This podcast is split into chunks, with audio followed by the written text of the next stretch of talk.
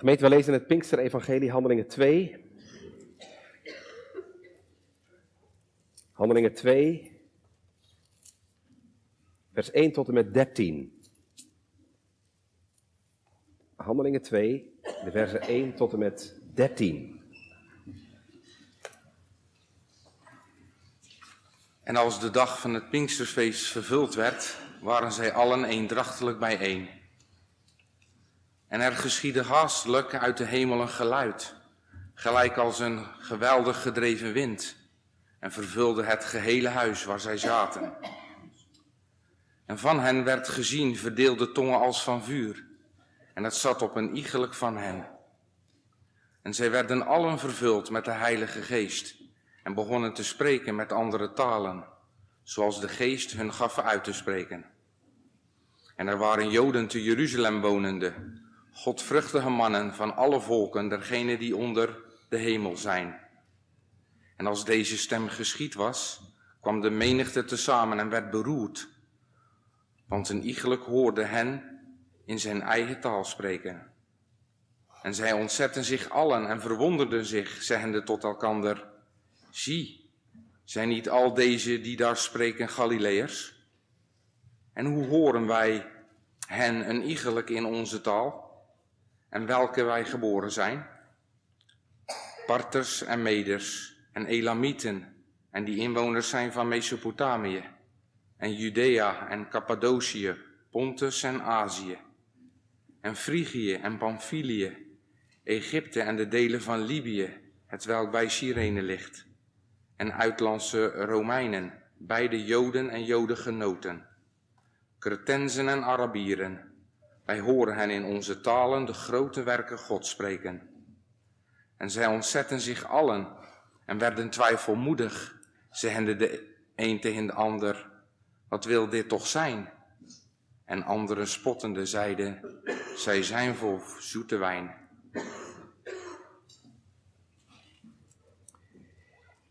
Gemeente, het is vandaag weer Pinksteren.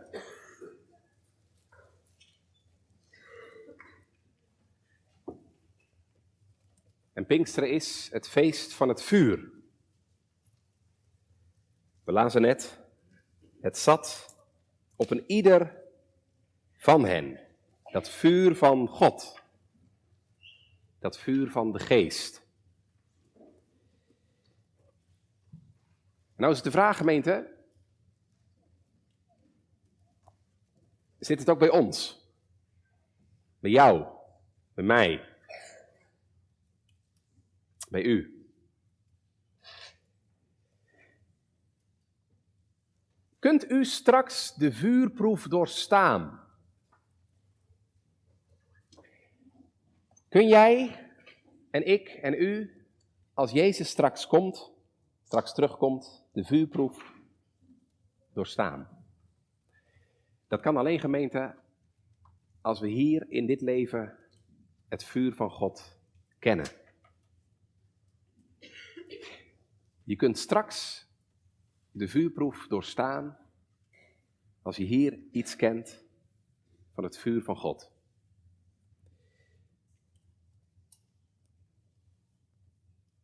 Zolang je leeft zonder dat vuur,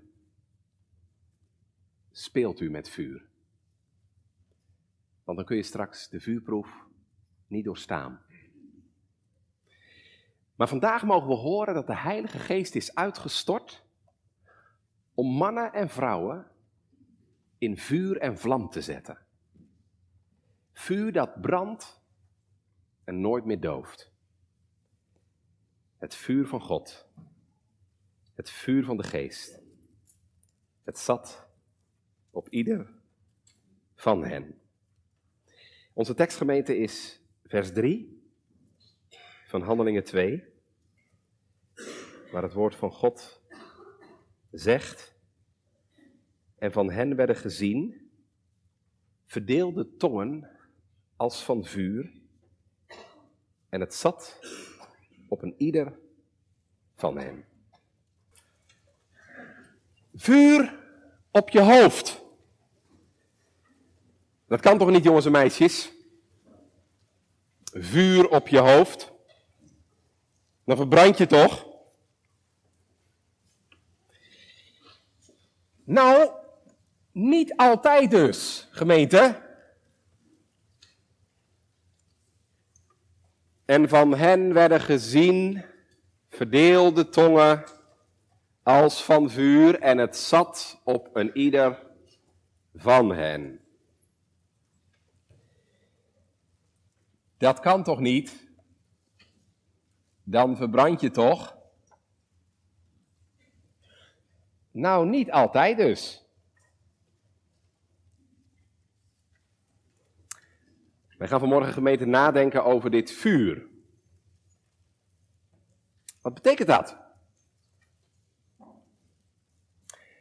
Laten we eens de vraag stellen, wat is vuur eigenlijk in de Bijbel? Ik bedoel, wanneer komen we in de Bijbel vuur tegen? Gemeente, dan moeten we vanmorgen vooral naar het Oude Testament. En dan met name naar het boek Exodus. Ik zal u drie voorbeelden noemen. Drie voorbeelden uit het boek Exodus. Het eerste vindt u in Exodus 3. Jongens en meisjes, jullie kennen dat verhaal, hè? Mozes is bezig om de kudde te weiden. Dan komt hij bij de berg Horeb. En er hij iets heel bijzonders. Hij ziet een braamstruik die brandt, maar die niet verbrandt, die niet verteert. En dan weet je, Mozes gaat kijken bij die brandende braamstruik. En dan hoort hij ineens een stem, de stem van God. Mozes, Mozes. En dan krijgt Mozes van de Heer, jongens en meisjes, de opdracht om het volk Israël uit Egypte te leiden. Dat vuur in die braambos betekent de Heere is hier. De Heere is hier aanwezig. Hij is tegenwoordig. Tweede voorbeeld. Ook in Exodus, Exodus 13. Dan zijn we een stukje later. Het volk Israël is uitgeleid uit Egypte. En jongens en meisjes, dan gebeurt er weer iets heel bijzonders. Ik kan het even voorlezen. En de Heere trok voor hun aangezicht overdag in een wolkolom, dat hij hen op de weg leidde, en s'nachts in een vuurkolom, dat hij hen lichtte om voor te gaan dag en nacht. De Heere nam de wolkolom des daags, nog de vuurkolom des nachts, niet weg van het aangezicht van het volk. In het donker van de nacht zien de Israëlieten een laaiende zuil van vuur. Wat betekent dat, jongens en meisjes? Die vuurkolom, dat betekent de Heere is bij ons. De Heere is hier.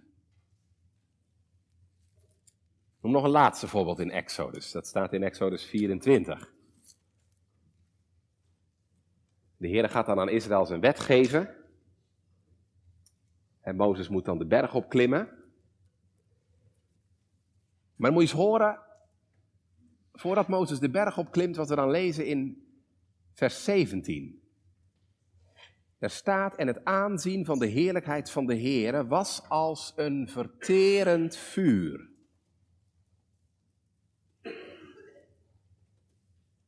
Dit is wel heel opvallend. Bij de wetgeving, als God zijn tien geboden aan Israël geeft, wat gebeurt er dan? Dan is er vuur. Ik zei er net, voordat de ouderling de wet ging voorlezen, wat herdachten de Joden met Pinksteren? Dat God zijn wet aan hen gegeven had. Dat is opmerkelijk, hè? Bij die allereerste wetgeving was er vuur. En met Pinksteren waar Israël ook de gave van de wet herdacht, is er ook weer vuur. Dus wat kunnen we voor conclusie trekken, gemeente? Wat is de betekenis van vuur? Vuur betekent God is hier. God is tegenwoordig. God is present. Waar de Here is, daar is vuur.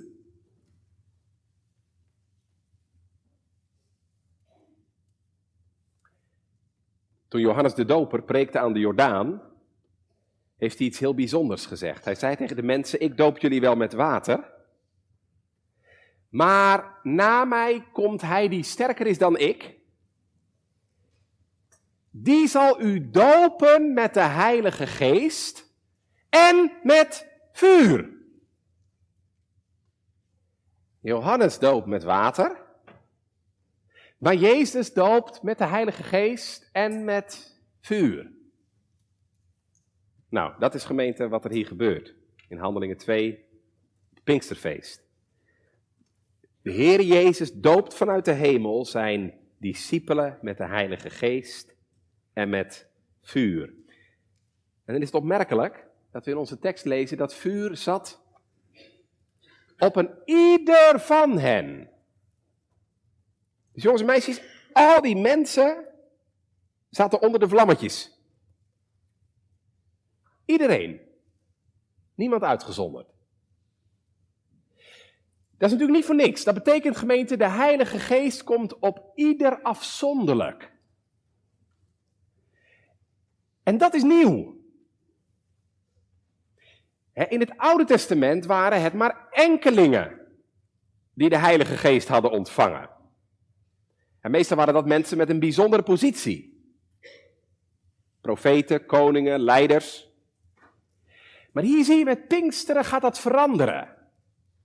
Elke gelovige ontvangt afzonderlijk de Heilige Geest. Al Gods kinderen mogen in die gave, in die weldaad delen. Heel persoonlijk ook. Het zat op een ieder van hen. Hé, hey, waarom heb je eigenlijk de Heilige Geest nodig?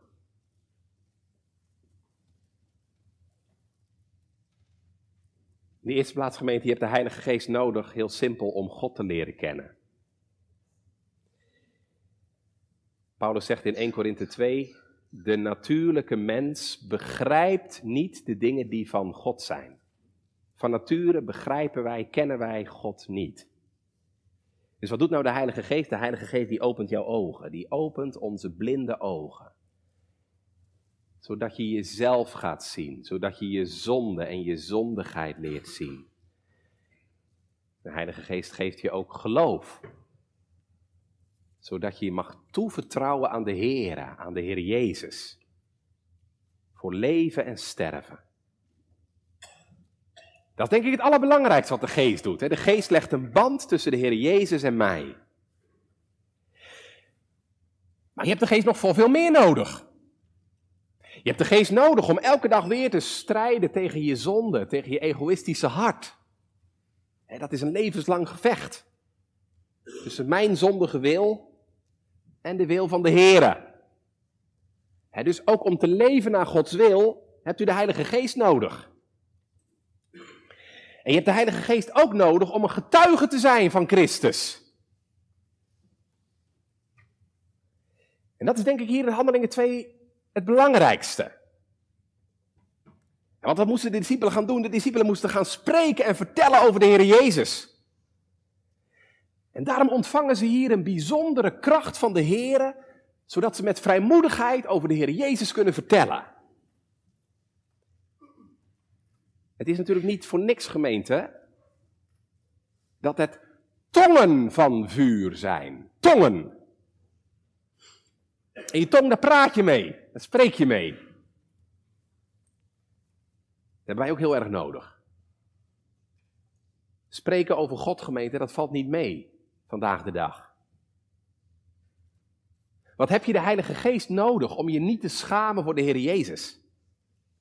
Niet te schamen voor het evangelie van de Heer Jezus. Nou, als je vol bent van de Heilige Geest, ja, dan kun je erover spreken. Dan zeggen we wel eens, hij is er vol van.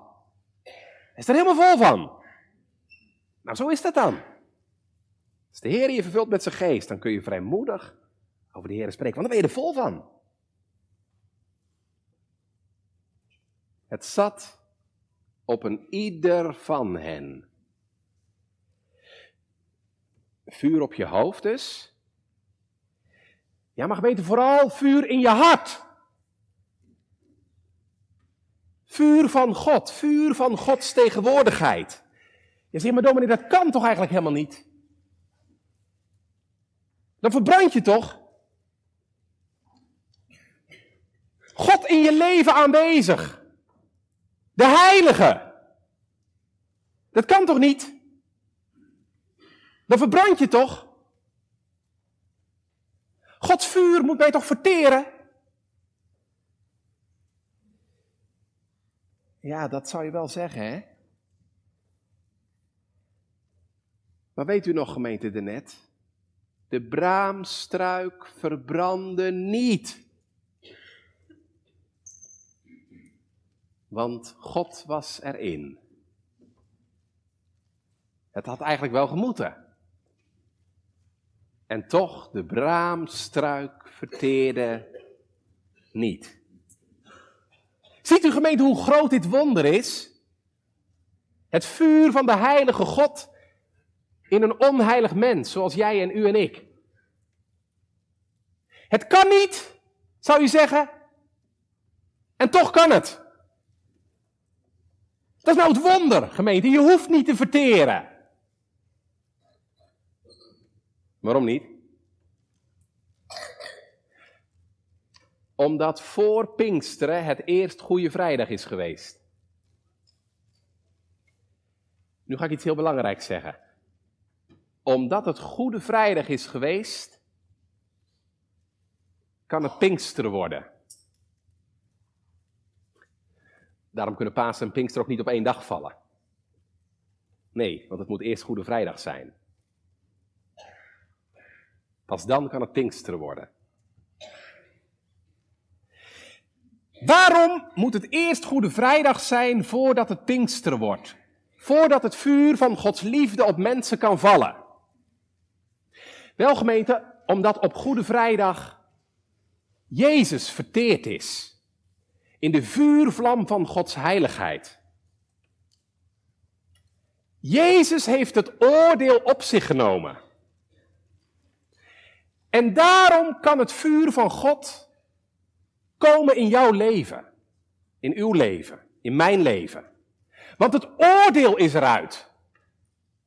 Dat droeg Jezus, de vuurvlam van Gods oordeel op Goede Vrijdag.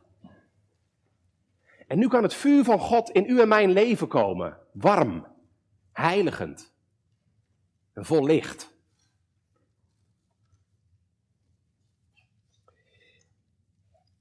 Dit vuurgemeente komen we maar één keer tegen in handelingen. We lezen nog heel veel over de Heilige Geest in het boek Handelingen, dat weet u, maar dit vuur kom je maar één keer tegen. Dat was echt eenmalig, net als die machtige wind. als de Heilige Geest bijvoorbeeld in hoofdstuk 4 opnieuw wordt uitgestort, kom je dat niet meer tegen. Dus dit, dit uiterlijke vuur hoort bij dat bijzondere, eenmalige moment van Pinksteren. Dus we moeten hier even heel goed opletten. Ik zei net, we lezen verschillende keren in het boek Handelingen dat de geest wordt uitgestort op mensen. En dat kan zich dus herhalen, ook vandaag gelukkig nog. Maar wat we hier zien gebeuren, dat is eenmalig en uniek. Het verwijst gemeente vooral naar het vuur in je hart. Naar het vuur in het hart van mensen. En dat blijft gelukkig. Dat blijft alle eeuwen door het kenmerk van het werk van de Heilige Geest. Dat er een vuur gaat branden in je koude, donkere hart. En nee gemeente, dan is het de Heilige Geest niet om zichzelf te doen. Het gaat de Heilige Geest altijd om Jezus. Het gaat de Heilige Geest er altijd om om de Heer Jezus te verheerlijken in mensenlevens. Mag ik eens vragen, wie is Hij voor u? Voor jou? Brandt er in jouw hart al een vuur van liefde voor Hem, jongens en meisjes? Brandt er in jouw hart een liefdesvuur voor de Heer Jezus?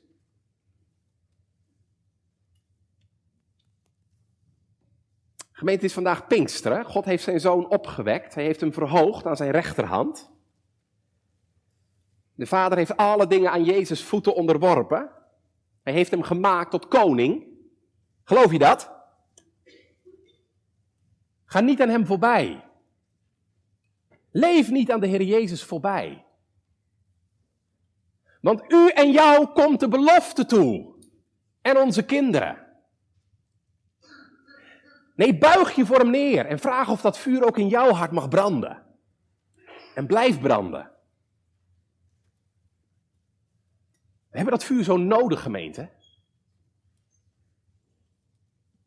Ik zei het al in mijn gebed. Wij leven in zo'n donkere, verwarrende tijd. En ik ben bang dat het nog veel erger gaat worden. En wat hebben we dan als kerk? Dat vuur van de Heilige Geest nodig. God bewaren ons voor een uitgebluste kerk.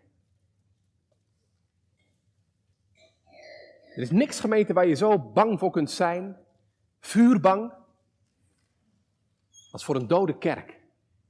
Een dode gemeente. Uitgedoofd. er brandt niks meer.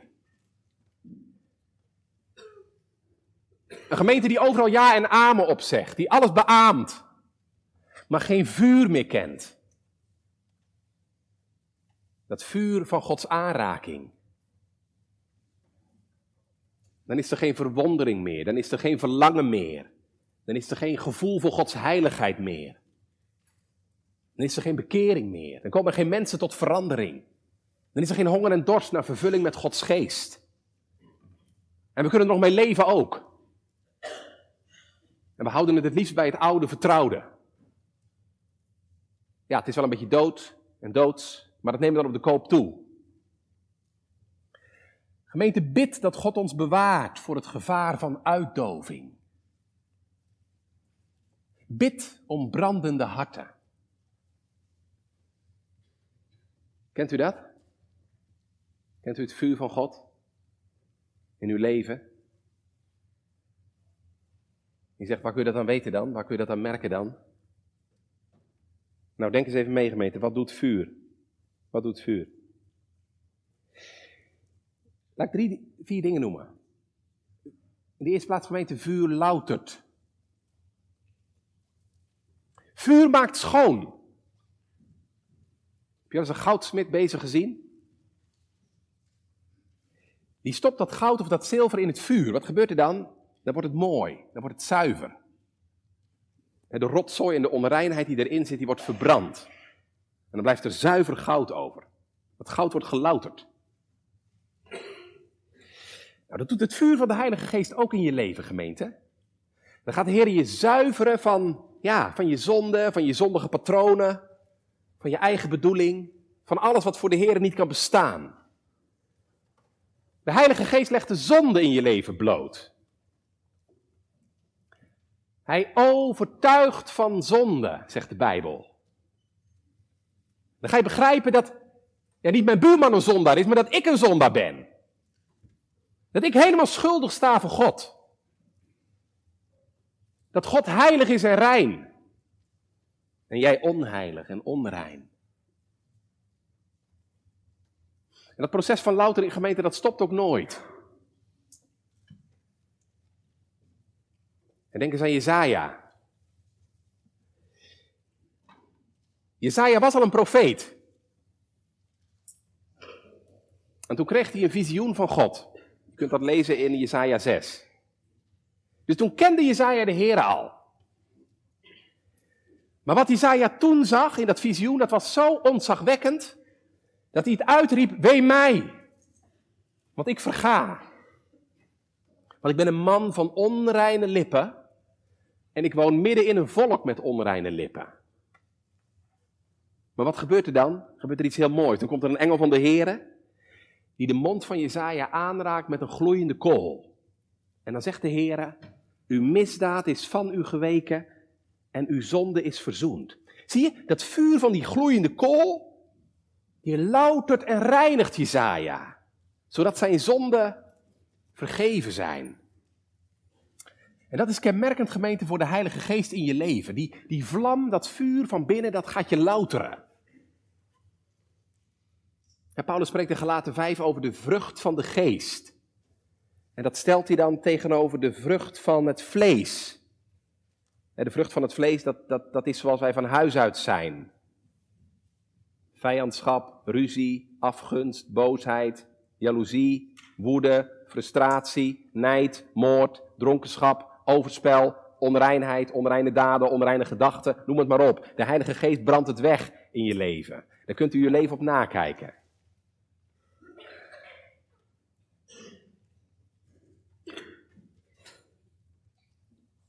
Dat je bij dat dan merkt, dan krijg jij een hekel aan datzelfde waar de Heilige Geest een hekel aan heeft.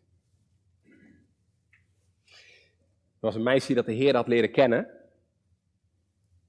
En ze wilde graag beleidenis doen.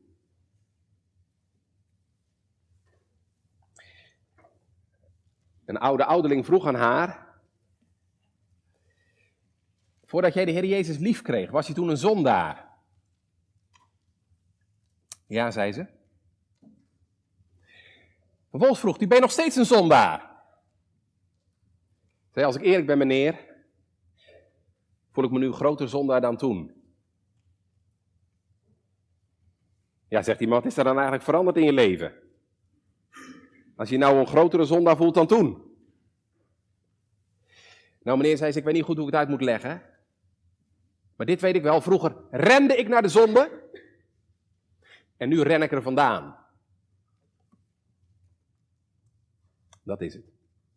Vroeger rende ik naar de zonde, nu ren ik er vandaan. Vuur loutert je leven. Wat doet vuur nog meer? Vuur maakt je ook warm. En dat is ook wat de Heilige Geest doet, gemeente. De Heilige Geest stort Gods liefde uit in je hart. En zodat je mag weten, de liefde Gods is uitgestort in mijn hart. Je krijgt de Heer Jezus lief. Je krijgt God lief. Je krijgt ook je naaste lief. En gemeente, je wordt warm. Als je over de Heer hoort. Als de Heer Jezus wordt uitgeschilderd in zijn woord. Dan gaat er een vuur in je branden. En ik weet wel, dat kan soms heel laag staan ook in je leven. Maar dat gaat gelukkig nooit meer uit. Ik had het er net over dat louterende werk van de Heilige Geest, maar het blijft niet bij dat louterende werk alleen gemeente. Er komt ook het vernieuwende werk van de Heilige Geest. Liefde, blijdschap, vrede, geduld, goedheid, zachtmoedigheid, matigheid. Dat is het vernieuwende werk van de Heilige Geest. Het maakt je hart warm. Wat doet vuur nog meer?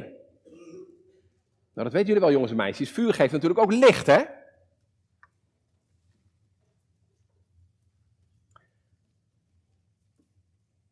In uw licht, zegt Psalm 36, zien wij het licht.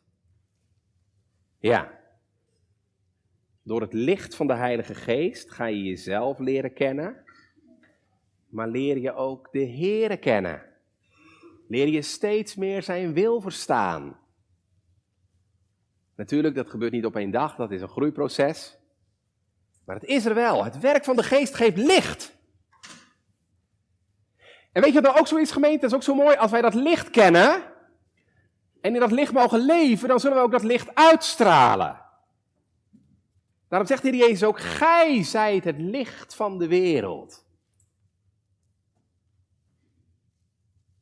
Doe je dat? is die verlangen om een beetje licht te verspreiden. Beleideniskattegezanten. Ik had een gesprek van de week met jullie, verschillende van jullie. Wat vanmorgen het een van hen zei. Maar ik hoop ook zo dat anderen in mijn leven en door mijn leven iets mogen zien van de Heer. Daar gaat het om. Want als de Heilige Geest licht in jouw leven verspreidt, dan ga je ook zelf licht verspreiden. Dat is in elk geval wel je verlangen. Ja, er is nog iets wat ik over dat vuur moet zeggen. Ik heb gezegd, hè, vuur geeft warmte, geeft licht, het reinigt en loutert. Maar gemeente, dat had je misschien niet verwacht, maar dat moet ik ook wel zeggen. Weet je wat vuur ook doet? Vuur verteert ook. Vuur is in de Bijbel namelijk niet alleen maar een teken dat God tegenwoordig is. Vuur heeft in de Bijbel ook nog een andere betekenis. Vuur betekent ook, dat weet u wel, oordeel. Het is niet voor niks hè, dat de hel in de Bijbel omschreven wordt als een plaats van vuur. Onthoud dat ook. Vuur betekent ook oordeel, gericht. Ik zei dat net, Johannes de Doper, die zei dat Jezus zou dopen met de Heilige Geest en met vuur. Maar dan zegt hij er in één adem ook achteraan. Zijn wan is in zijn hand. Hij zal de dorsvloer doorzuiveren. Zijn tarwe in de schuur brengen. En het kaf met onuitblusbaar vuur verbranden. Dat ook. Dit is wel heel aangrijpend, gemeente. Maar dat moet ik wel zeggen vanmorgen. Waar het vuur van de Heilige Geest komt, gebeuren altijd twee dingen. Er worden mensen veranderd, verwarmd, vernieuwd. En er zijn mensen die het afwijzen. Die verharden.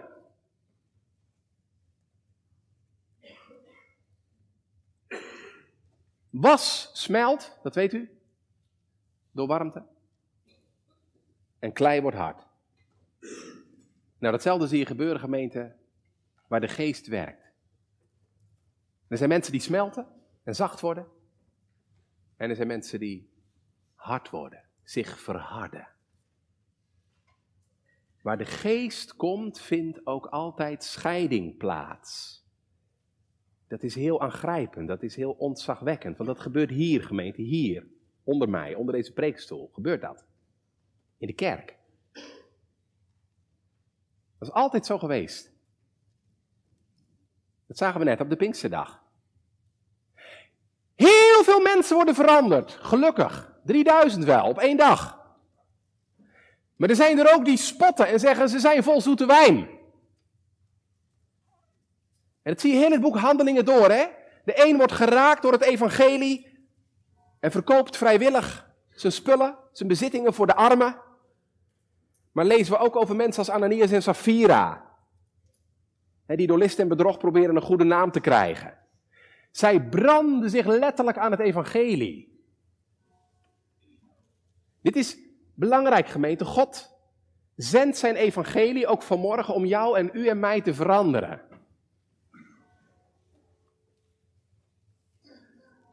Maar als je niet luistert, als je dezelfde wil blijven, als je je niet bekeert, dan keert het evangelie zich tegen je. Dan wordt hij er alleen maar harder van. Waar het evangelie komt, vindt scheiding plaats. Dat is wat de geschiedenis ons leert. Waar het vuur van de geest komt, zijn er ook mensen die er zich aan branden. Dat zeg ik niet vanmorgen, gemeente, om u bang te maken. Want de Heer zendt vanmorgen u heel welmenend zijn woord. Hij wil niet dat iemand van u verloren gaat. Maar het is wel zo gemeente, als u het evangelie verwerpt, er niks mee doet, hoeft eigenlijk niet heel eens, veel voor te doen, je hoeft alleen maar naast je neer te leggen. Maar dan leg je wel het liefdesaanbod van de Heer Jezus naast je neer. En als je dat doet, dan brand je je aan het evangelie. En dan word je kaf. Kaf dat verbrandt. En het is dan je eigen schuld.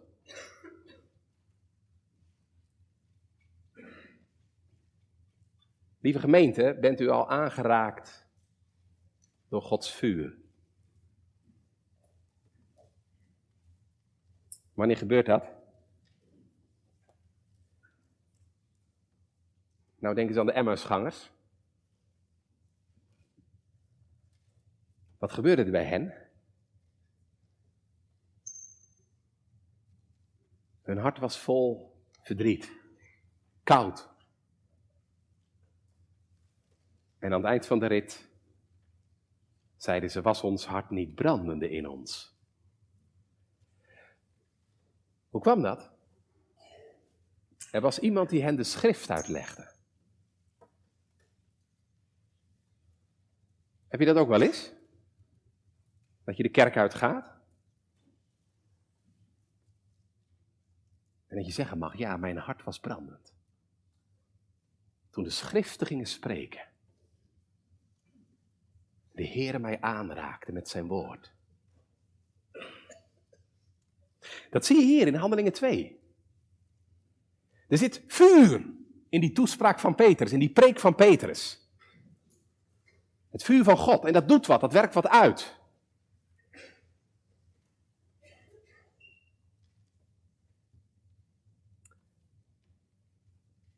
In het jaar 1733 gebeurde er in het Amerikaanse stadje Northampton iets heel opmerkelijks. Daar stond de bekende dominee Jonathan Edwards. En in zijn gemeente gebeurde ineens iets. Met name onder de jongeren. Met name onder de jongeren van de gemeente. De jongeren werden op een of andere manier anders. Jonathan Edwards zegt zelf, hij heeft daar een verslag over geschreven. De jongeren werden bijzonder handelbaar. Ze luisterden naar adviezen die ze kregen. Ze begonnen naar mijn preken te luisteren. Ze kwamen naar hem toe en vertelden wat er met hen gebeurde. Ze vertelden over Gods kracht en genade. En dat de Heer hen een nieuw hart gegeven had, dat echt gebroken en geheiligd was. En het werden er steeds meer. Die bleven niet in bed liggen. Die moesten niet meer door Pama meegesleept worden naar de kerk. Edward zegt, ze kwamen met kuddes tegelijk. En als dominee Edward spreekte, dan waren er veel mensen in tranen als hij het woord verkondigde. Sommigen helden van verslagenheid, anderen waren juist vol blijdschap en liefde.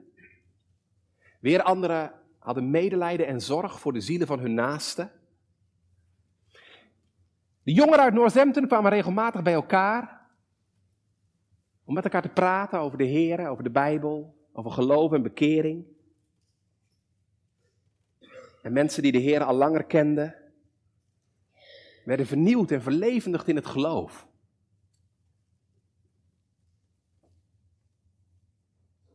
Dat was natuurlijk heel bijzonder. Dat is ook maar één keer gebeurd tijdens zijn predikantschap. Maar het gebeurde. En ik noem dat even hier als voorbeeldgemeente dat de Heilige Geest nog steeds zo kan werken als op de Pinksterdag. Daar mogen we toch naar verlangen, gemeente? Doet u dat ook? Daar mogen we toch naar verlangen dat velen van u zo'n brandend hart mogen hebben. dat de Heilige Geest in je woont en dat je die liefdesgloed van de Heer kent. Nogmaals, dan is er maar één weg waarin de Heer dat geeft. Dat gebeurt, dat zie je op de Pinksterdag, dat zie je bij dominee Edwards, dat gebeurt altijd waar het woord van God niet alleen met kracht gepredikt wordt, maar ook geloofd wordt. Er komt herleving, er komt verandering, er komt zegen. Daar waar het woord met kracht verkondigd wordt en geloofd wordt. Dat zie je in Handelingen 2 zo mooi. Eerst legt Petrus het woord uit. Eerst die verkondiging van de Heer Jezus. En dan die vraag, wat moeten wij doen? Bekering van mensen volgt als vrucht op de verkondiging van het woord. Dat het woord van God zo gepreekt wordt dat God zelf aan het woord komt. Kijk, emoties, emoties gemeente, die gaan zo weer voorbij. Je kunt soms even heel geraakt zijn. Je kunt geroerd worden door een woord uit een preek. Je kunt geroerd worden door een psalmversje. Maar dat kan ook zo weer voorbij zijn. Nou, we zagen vanmorgen als de Heilige Geest werkt, dan gaat hij je verlichten. Dan ga je de dingen in het licht van God zien. Dan zie je jezelf zoals de Heer jou ziet. Dan zie je Gods wil en Gods eis. Dan zie je dat jij daar niet aan voldoet en ook niet kunt voldoen. Maar dan wil de Heer ook in zijn woord laten zien dat Hij nou in ons onvermogen voorziet. En als je dat nou ook wil vanmorgen, zo'n brandend hart. Zo'n hart dat vervuld is met de liefde van God. Vraag dan gemeente om de verlichting van je verstand. Zodat je acht neemt op het woord. dat je ziet wie je zelf bent. Dat je ziet wie God is. Maar vooral ook niet alleen maar dat je ziet wat de Heer van je vraagt, maar vooral ook wat de Heer je wil geven. Dus wil je zo'n brandend hart, neem acht op het woord. Ga daar biddend mee om. Kom biddend naar de kerk. Bid voor jezelf, voor je kinderen, voor gemeenteleden. Bid voor de dominees die voorgaan. Want als u dat doet, gemeente, dan zal de Heer daar zijn zegen op geven. Als u uw predikanten vol bidt, dan zullen zij u vol preken.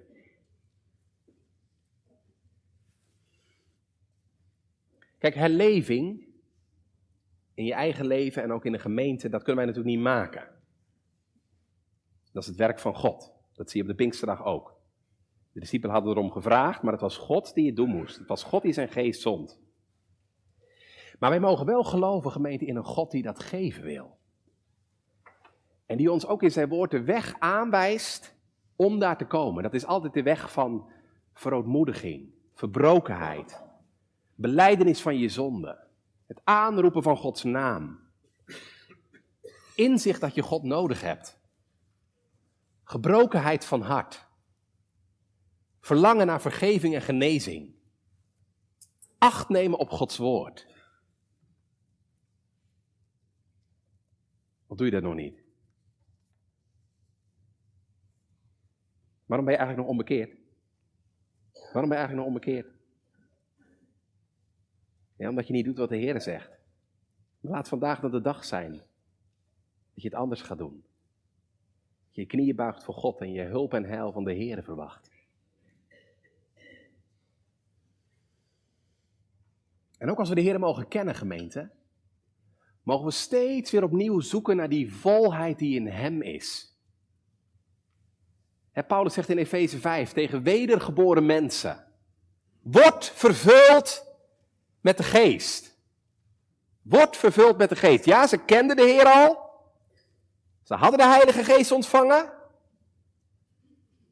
Ze waren gedoopt met de Heilige Geest. En toch steeds weer die oproep in de Bijbel: Word vervuld met de Geest. Want, ik zei het al in mijn gebed, wij zijn net lekkende vaten. We moeten steeds weer vervuld worden om vol te blijven moet steeds weer brandstof bij, zodat het vuur niet uitdooft, maar branden blijft. En dan moet er olie op het vuur. En dan gaat er licht en warmte vanuit. Dan kunnen ze van je zien. Dan kunnen ze aan jou zien wat er van de discipelen werd gezegd. Ze konden merken dat ze met Jezus geweest waren. Nou, mensen die met Jezus geweest zijn, die elke dag de Heer Jezus aanroepen en bidden, Heer, vervul mij met uw geest. Dat kun je merken. Dat zijn levende brieven van Christus. Dat zijn mensen, daar proef je warmte en liefde aan. Dat zijn mensen die jou de zaligheid gunnen. Dat zijn mensen die goed van God spreken. Dat zijn mensen die vol zijn van de Heer en zijn woord. En daar kun je er niet genoeg van hebben. Toch?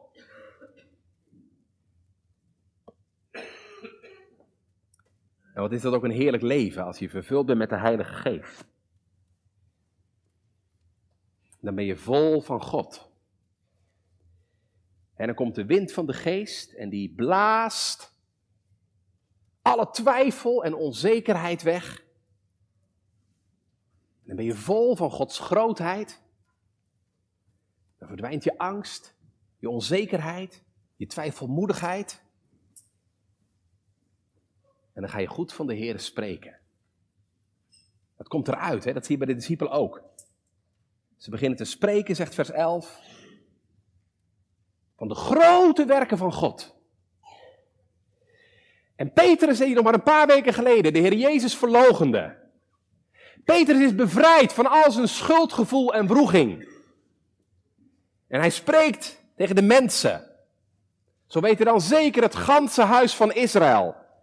Dat God Jezus tot Here en Christus gemaakt heeft. Deze Jezus die jullie gekruisigd hebben. Peter is er vol van. Vol van God en vol van zijn geest. En dan gaat het niet in de eerste plaats gemeente om bijzondere dingen, spreken in tong of zo, bijzondere gaven van de Heilige Geest. Nee, dan gaat het om God. Dan ben je gericht op God en vervuld van Hem. Wie wil dat vanmorgen? Wie wil vanmorgen vervuld worden met de Heilige Geest? Gemeente, om vol van God te worden moet je leeg tot God komen. Moet je leeg tot God komen. Dat mag. Je mag met je leegte en je armoede naar de Heer gaan. Want rijken stuurt God weg, maar hongerigen wil Hij met goederen vervullen. Kom leeg tot de Heer en Hij zal je vervullen. Weet u, als de geest vuur aansteekt, gaat het ook nooit meer uit. Gaat het nooit meer weg. Het kan soms op een laag pijl staan, dat weet ik ook wel. Maar God zorgt dat het branden blijft. En dat je straks de vuurproef kunt doorstaan.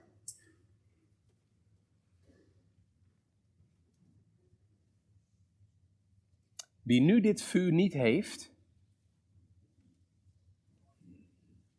wie dit vuur van de geest niet kent, dat moet ik vandaag ook zeggen, zal straks met ander vuur in aanraking komen. Het vuur van Gods heiligheid en het vuur van Gods toren. Als God de zonde en het kwaad van voor zijn aangezicht vernietigt. En het in vervulling gaat, de goddelozen zullen niet bestaan in het gericht. De weg van de goddelozen zal vergaan. Maar gemeente, wie nu het vuur van de geest mag hebben, mag ik vanmorgen zeggen, zal straks het vuur ontgaan. Dus het is heel eenvoudig. Ik kan mijn preek in één zin samenvatten. Het is of hier het vuur, of straks. Zult u straks de vuurproef doorstaan? Als je oog in oog staat met je maker? Mag ik u nog één keer op de Heer Jezus wijzen? Gemeente Jezus heeft de vuurproef doorstaan. Glansrijk. Jezus heeft in het vuur van Golgotha de vuurproef doorstaan. En ik mag u zeggen, met hem kunt ook u Gods vuurproef doorstaan. Deze Jezus, mag ik u verkondigen, door ons gekruisigd en verworpen, maar door God gemaakt tot Here en Christus. Met hem kunt u de vuurproef doorstaan. En daarom, lieve gemeente, speel niet met vuur. Speel niet met vuur. Want onze God is een verterend vuur.